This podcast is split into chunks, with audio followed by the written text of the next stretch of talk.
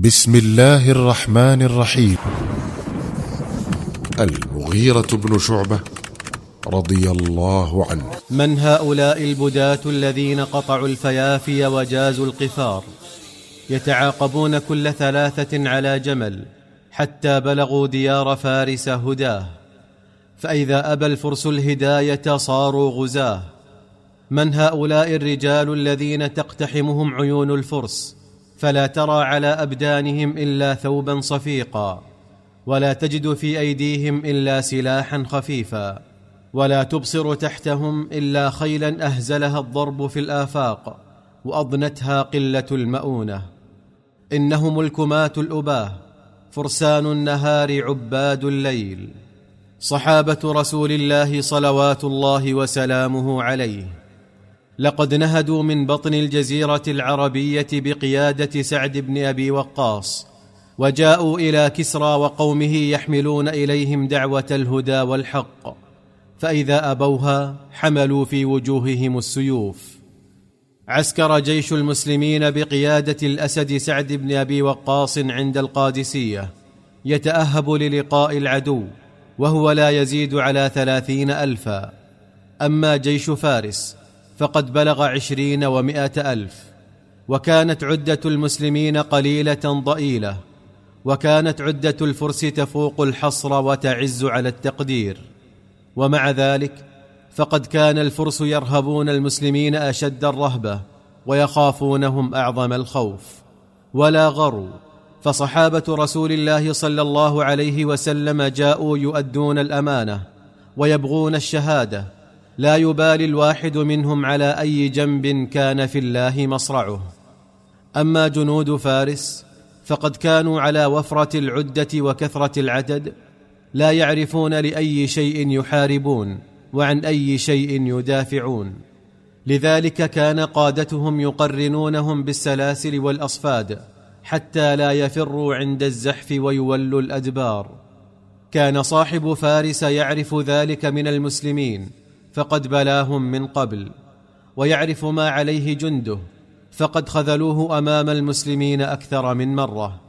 ومن هنا أرسل رسله إلى قائد جيش المسلمين سعد بن أبي وقاص يسأله أن يرسل إليه نفرا من رجاله ليفاوضهم فيما جاء من أجله المسلمون وليقف منهم على ما يريدون. اختار سعد عشرة من أصحابه فيهم المغيرة بن شعبة للقاء عظيم الفرس. ولا تسأل عن السبب الذي جعله يختار المغيرة. فقد كان الرجل أحد دهاة العرب المعدودين حتى كان يقال له مغيرة الرأي.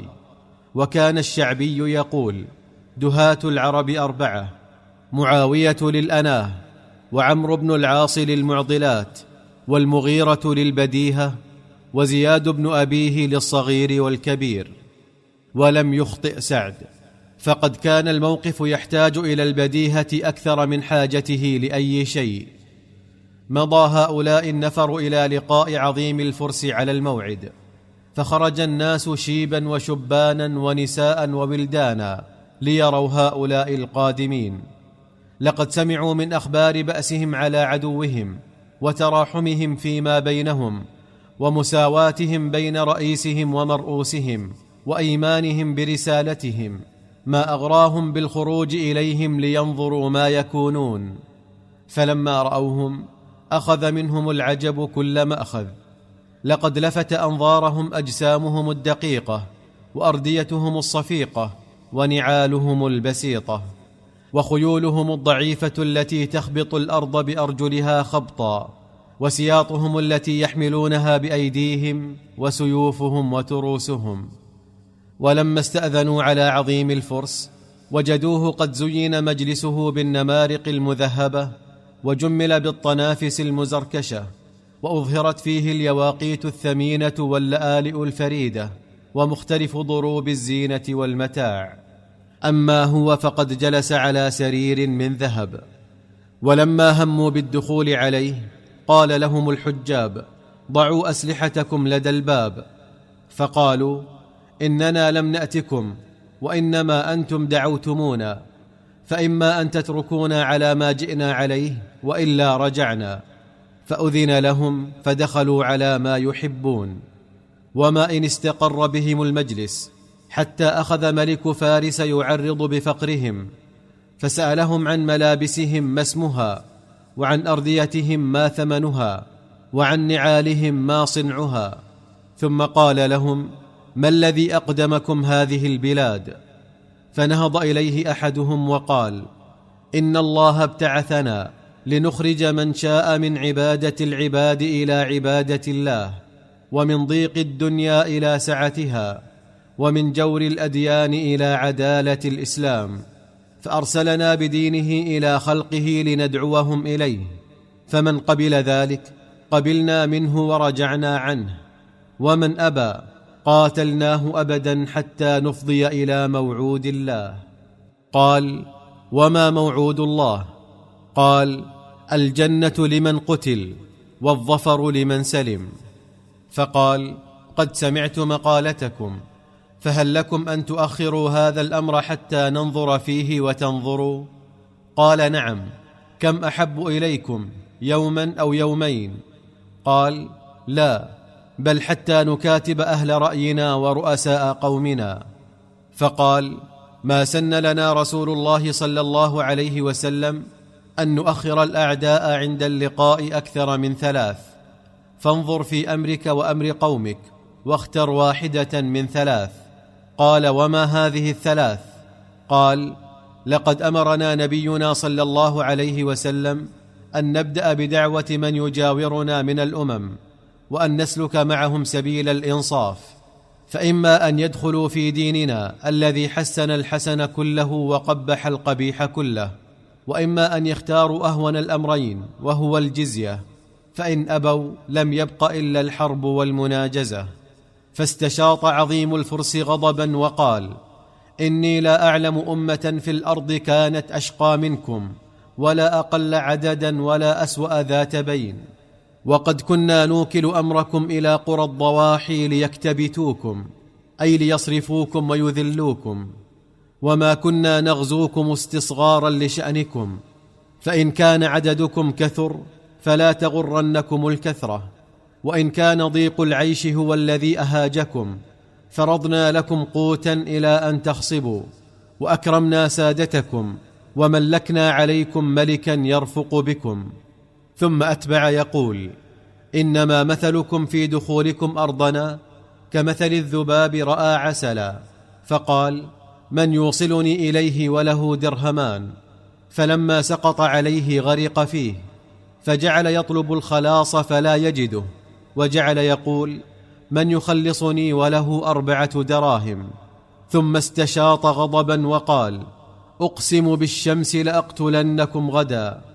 عند ذلك قام إليه المغيرة بن شعبة وقال أيها الملك إن هؤلاء الذين كلموك أشراف يستحيون من الأشراف وليس كل ما أرسلوا به إليك قالوه لك وقد أحسنوا ولا يجدر بمثلهم إلا ما فعلوه فإن شئت بلغتك عنهم وهم يشهدون إنك قد وصفتنا بما كنا عليه من سوء الحال.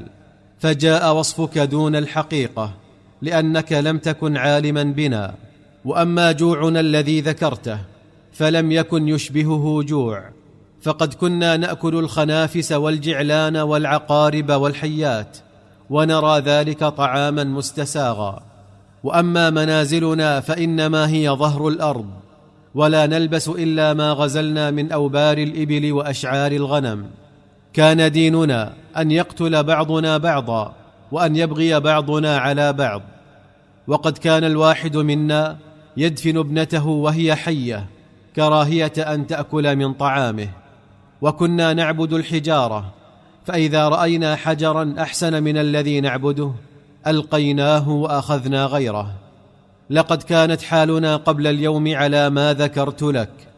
ثم بعث الله إلينا رجلا منا معروفا لدينا فأرضه خير أرضنا وحسبه خير حسبنا وبيته خير بيوتنا وهو نفسه أصدقنا وأحلمنا فدعانا إلى الإيمان بالله وحده وقال وقلنا وصدق وكذبنا وزاد ونقصنا فلم يقل شيئا إلا وكان. فقذف الله في قلوبنا التصديق له واتباعه فصار فيما بيننا وبين رب العالمين فما قال لنا فهو قول الله وما أمرنا به فهو أمر الله وقال لنا من تابعكم على هذا الدين فله ما لكم وعليه ما عليكم ومن أبى فاعرضوا عليه الجزية ثم احموه مما تحمون منه أنفسكم ومن أبى فقاتلوه فاختر إن شئت الجزية تدفعها وأنت صاغر وإن شئت فالسيف أو تسلم فتنجي نفسك وعشيرتك. فغضب الملك وقال لولا أن الرسل لا تقتل لقتلتكم. ثم قال لحجابه إيتوني بحمل من تراب فاحملوه على أشرف هؤلاء ثم سوقوه كما تساق الدواب. حتى يخرج بعيدا عن بيوت المدائن. ثم قال من أشرفكم؟ فقام عاصم بن عمرو وقال أنا. وإنما قال ذلك ليحمل التراب فحملوه عليه. ثم قال لهم ارجعوا إلى صاحبكم فأعلموه أني مرسل إليه غدا رستم ليدفنه مع جنده في خندق القادسية. وما هي إلا ساعات معدودات حتى طلع الغد. لكن شمس ذلك الغد لم تغرب إلا بعد أن رأى جنود الفرس المنهزمون رأس رستم محمولا على رماح المسلمين. دهاة العرب أربعة معاوية للأناه وعمرو بن العاص للمعضلات والمغيرة للبديهة وزياد بن أبيه للصغير والكبير الشعبي.